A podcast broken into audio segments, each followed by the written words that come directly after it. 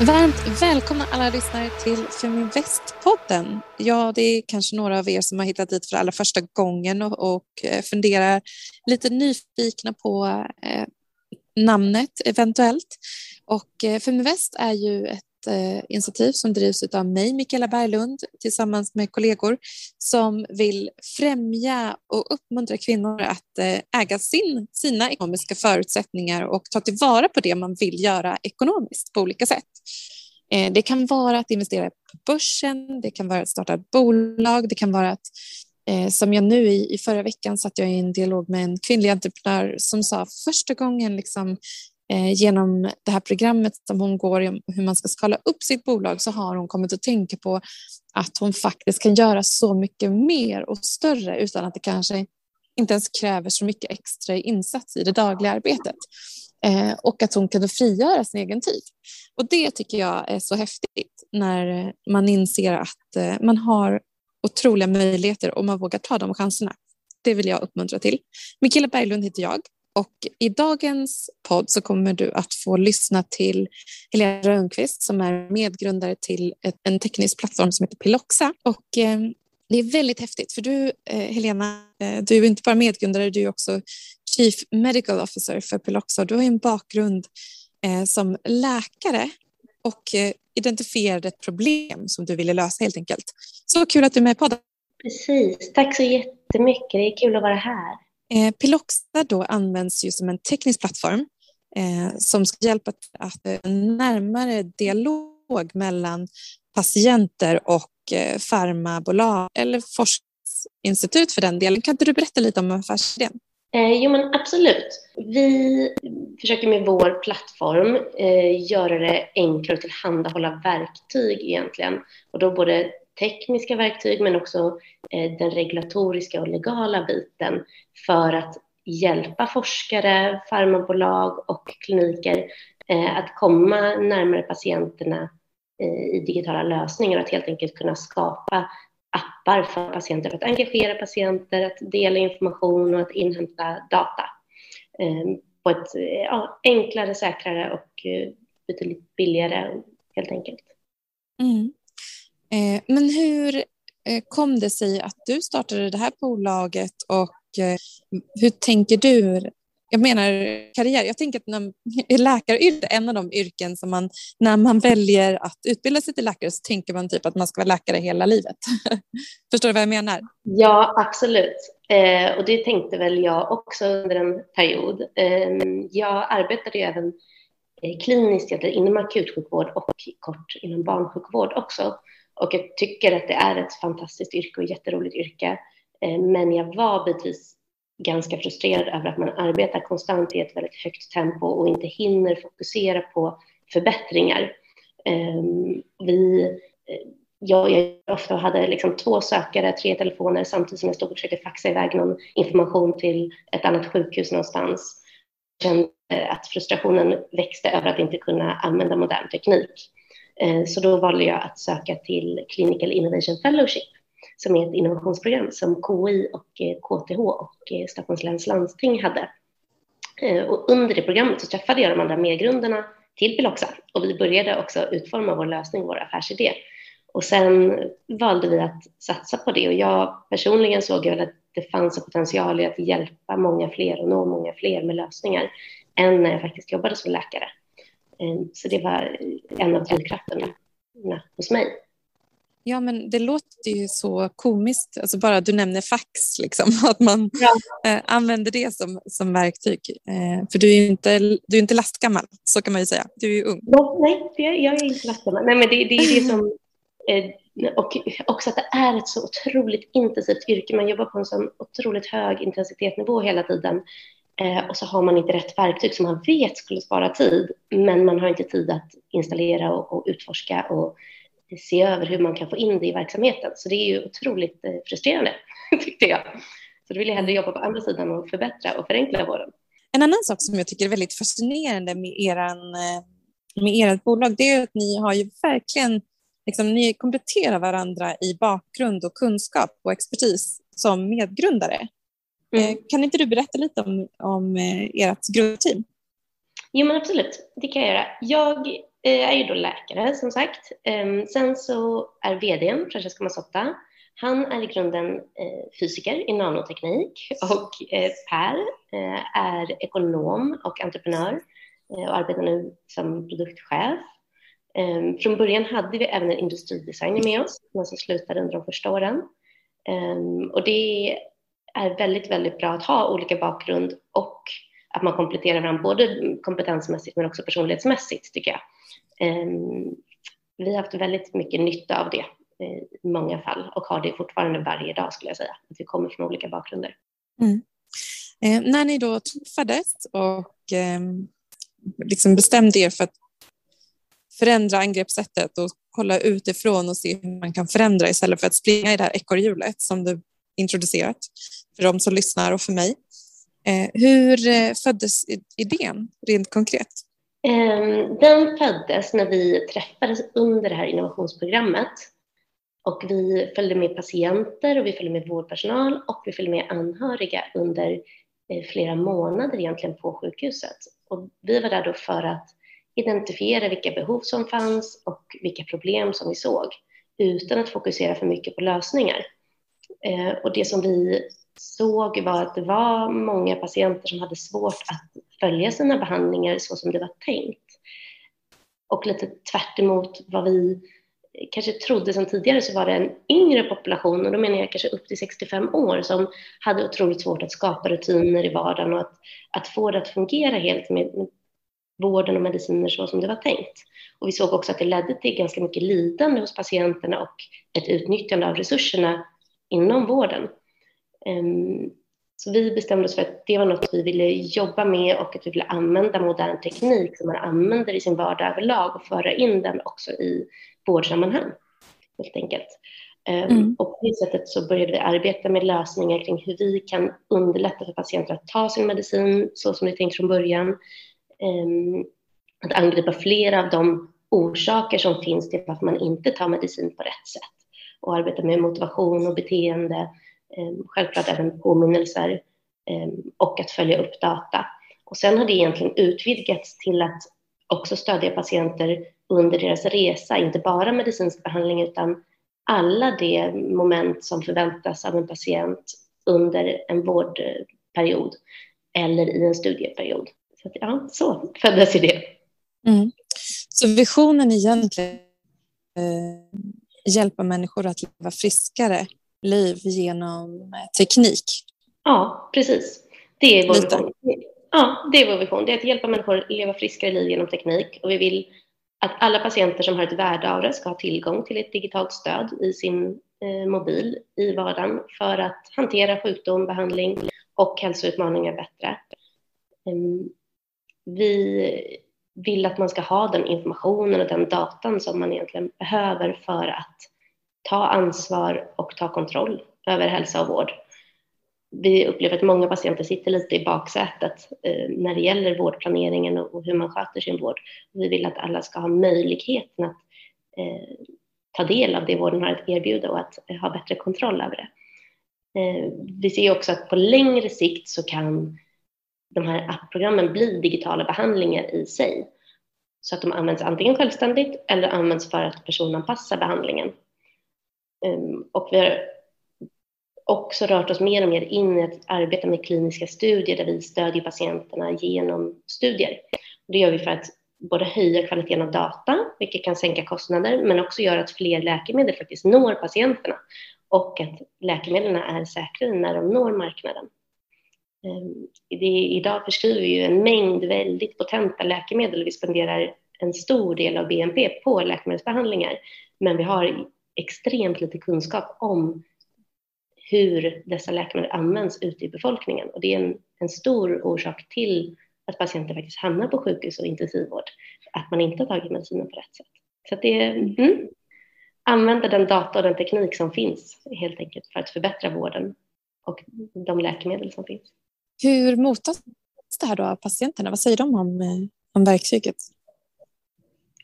Um, det har varit eh, främst positiva. Eh, eh, kommentarer såklart. Det har varit väldigt intressant. Vi har mött många olika patientgrupper genom resan och vi har också förbättrat och förändrat eh, produkten. Vi arbetar generellt sett väldigt nära patientgrupperna och, och förbättrar eh, användarupplevelsen utifrån feedback från användare. Ehm, men det är ganska tydligt för de flesta som vi arbetar med, både patienter och vårdgivare, betalare och industri, att det finns värde att hämta. Det finns liksom ingen förlorare egentligen i att arbeta i de här, eller med det vi arbetar med, vilket är väldigt roligt. Och till exempel i våra studier så har vi varit med om att våra patienter inte vill lämna tillbaka sina pillboxar när det är slut för att de tycker att de har så mycket stöd i sin vardag. Och det är väldigt, väldigt roligt. Det är det som är drömmen tycker jag. Vi blir också regelbundet kontaktade av patienter som vill ha tillgång till vår lösning, eh, vilket också är roligt. Och sen har vi i vissa fall sett att, att lösningen inte passar alla. Det kanske inte är alla som vill använda en app och det kanske inte passar alla subgrupper. Eh, till exempel inom epilepsi så har vi sett att eh, den kognitiva förmågan kanske inte alltid är så stor som eh, sjukvårdspersonalen initialt har uppskattat att patienten har. Så att man kanske inte har möjlighet att använda den typen av lösningar och använda det på bästa sätt heller. Så det, mm, det är spännande. Det händer saker och det är, de allra, allra flesta är väldigt positivt inställda och får mycket stöd. Ja. Samtidigt så kan jag tänka mig, jag menar, eh, det är en ganska traditionell bransch. Jag menar, det, ett, alltså, vilka tekniska verktyg man har är ju bara ett uttryck för det. Eh, det är också för att säkerställa att det, allting är väldigt säkert, att man ska hitta liksom, processer och metoder som är väl beprövade och inte det finns några risker med. Vilka typer av utmaningar har ni mött i den här miljön? Jag skulle säga att du sammanfattar egentligen de största utmaningarna vi har haft. Det är just att det är en väldigt traditionell, hårdreglerad och väldigt riskavert bransch. Eh, och det har inte varit etablerat hos våra kunder att använda den här typen av lösningar. Ehm, och det gör att när man ska starta upp projekt i de här stora bolagen eh, och med många aktörer så blir det väldigt långa ledtider, och långa beslutsprocesser, långa diskussioner med många funktioner.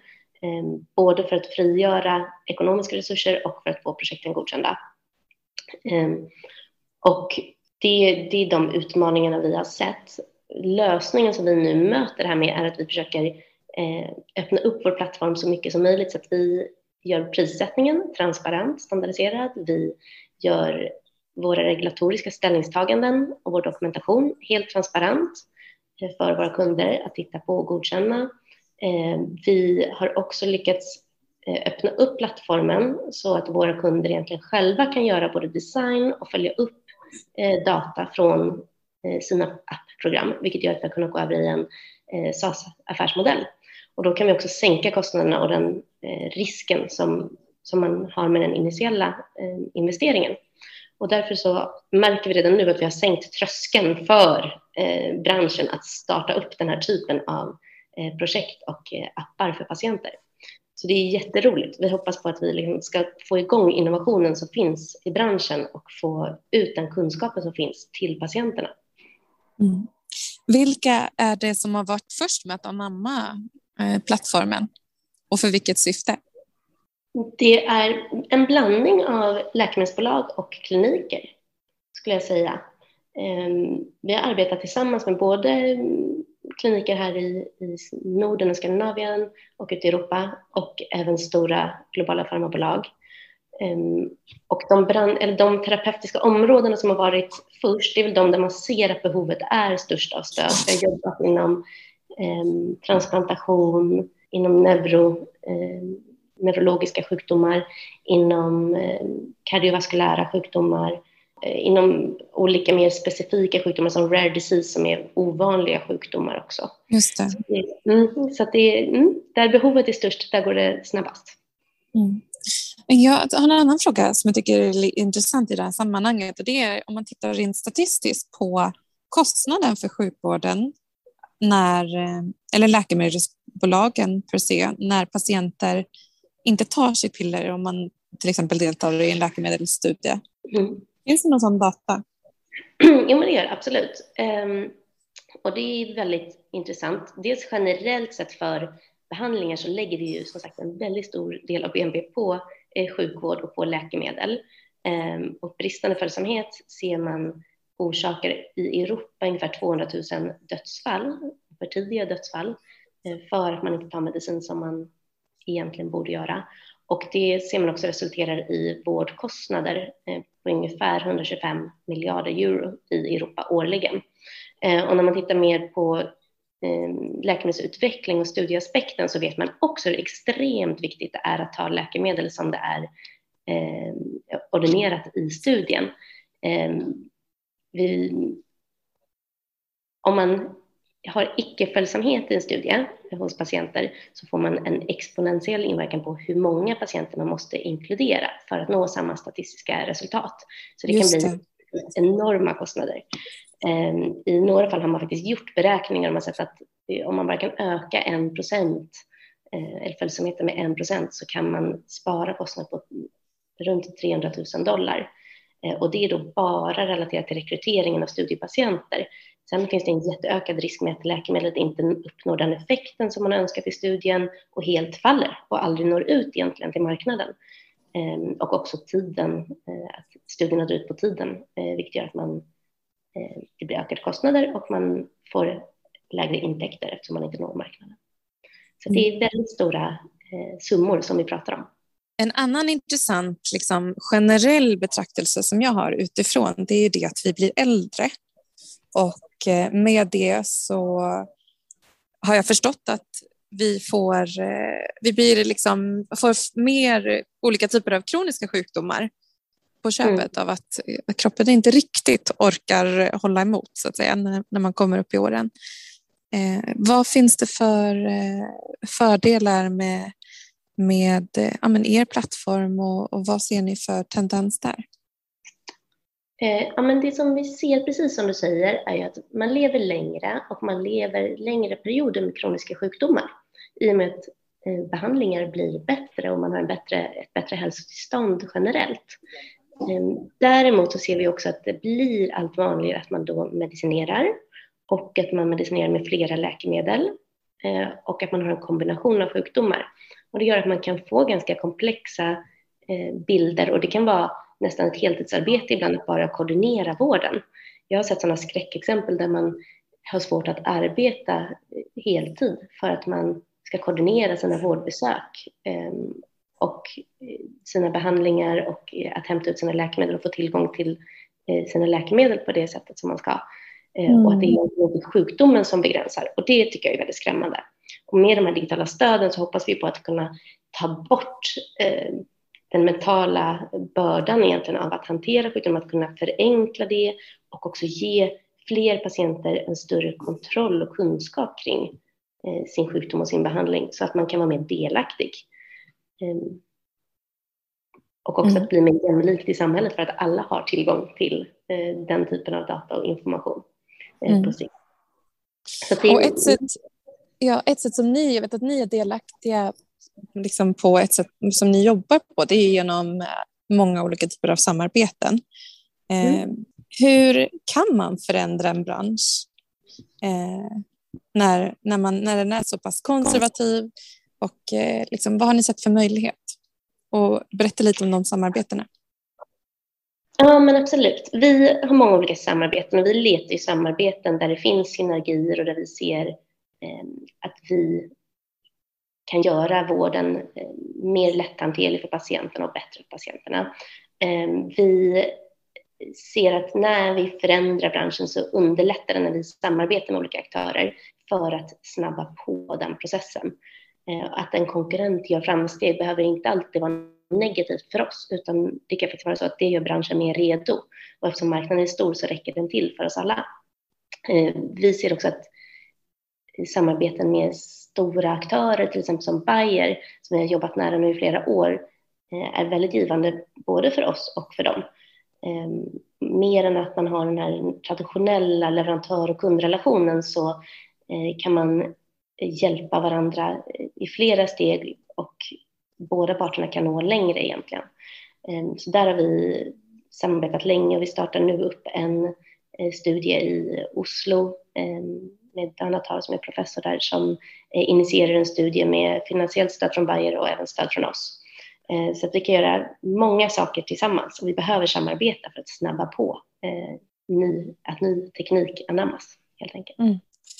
Eh, men ni är ju i en tillväxtfas eh, och det finns ju en enorm potential. Jag tänker liksom internationellt den, den liksom gyllene, the gyllene opportunity eller the golden opportunity som finns inom, det är ofta att man jobbar på den amerikanska marknaden eh, exempelvis. Vad har ni för tankar om att växa och eh, andra framtidsplaner?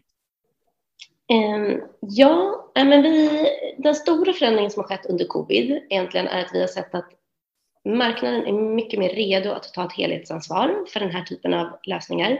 Det är mer självklart att man idag vill engagera och nå ut till patienter och arbeta nära patienter i digitala eh, forum såsom i appar.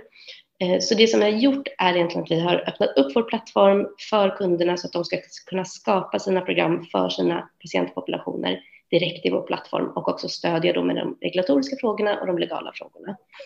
Ehm, och vår förhoppning är ju att det här ska göra det mycket snabbare, enklare, billigare att komma igång med eh, digitala stöd för patienterna.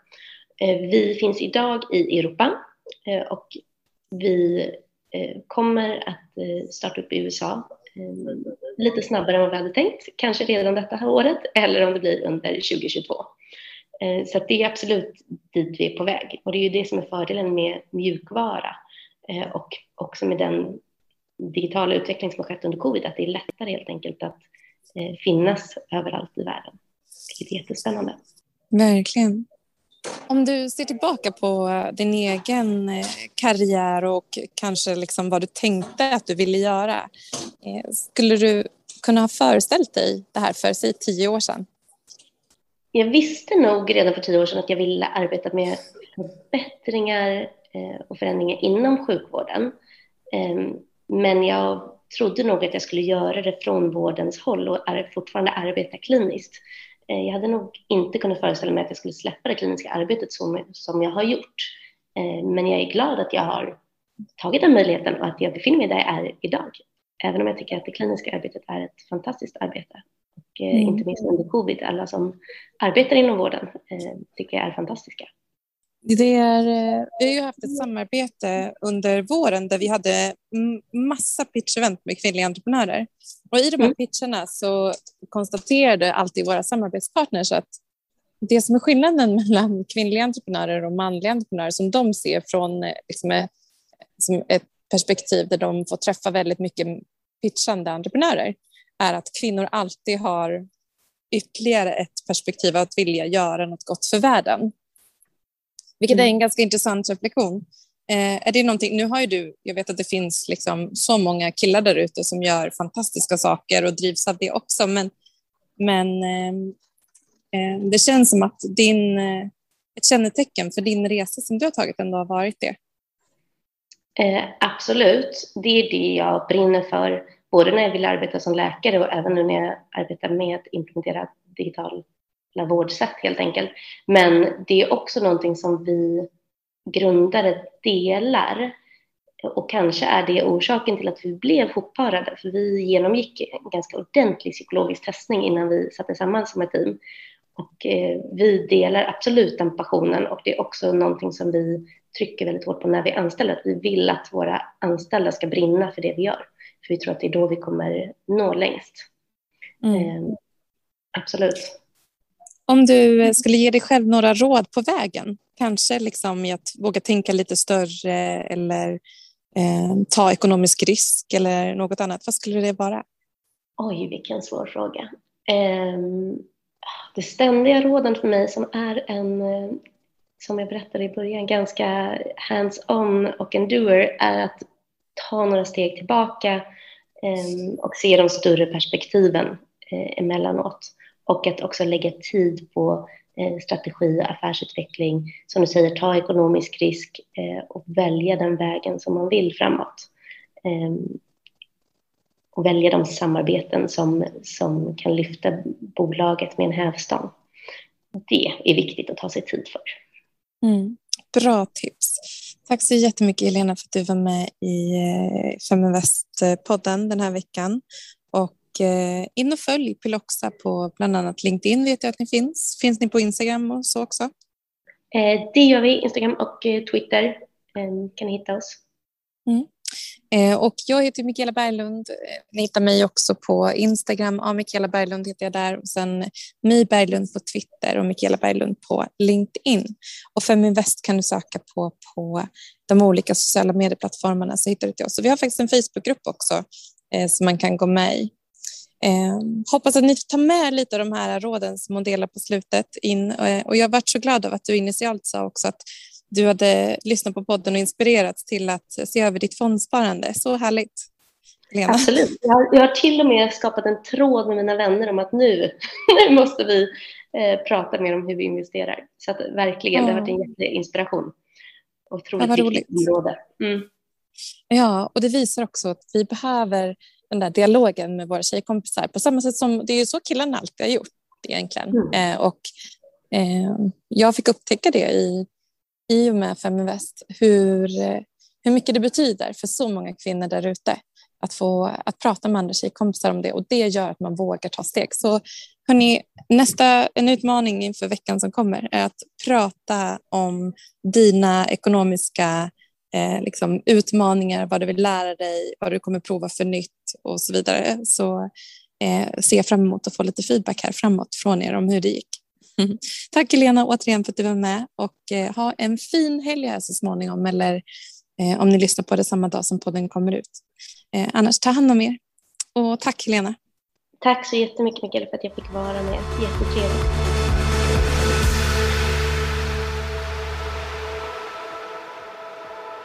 Feminvest är Sveriges största investeringsnätverk för tjejer.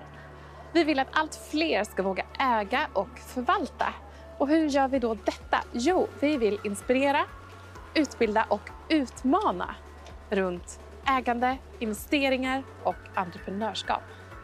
Följ Feminvest på våra kanaler Facebook, Instagram, Youtube. Varje vecka så kommer vi även ut med en podd och du kan ju självklart även följa nyheterna som publiceras på feminvest.nu. Det är bara att söka på Feminvest på samtliga kanaler så hittar du till oss.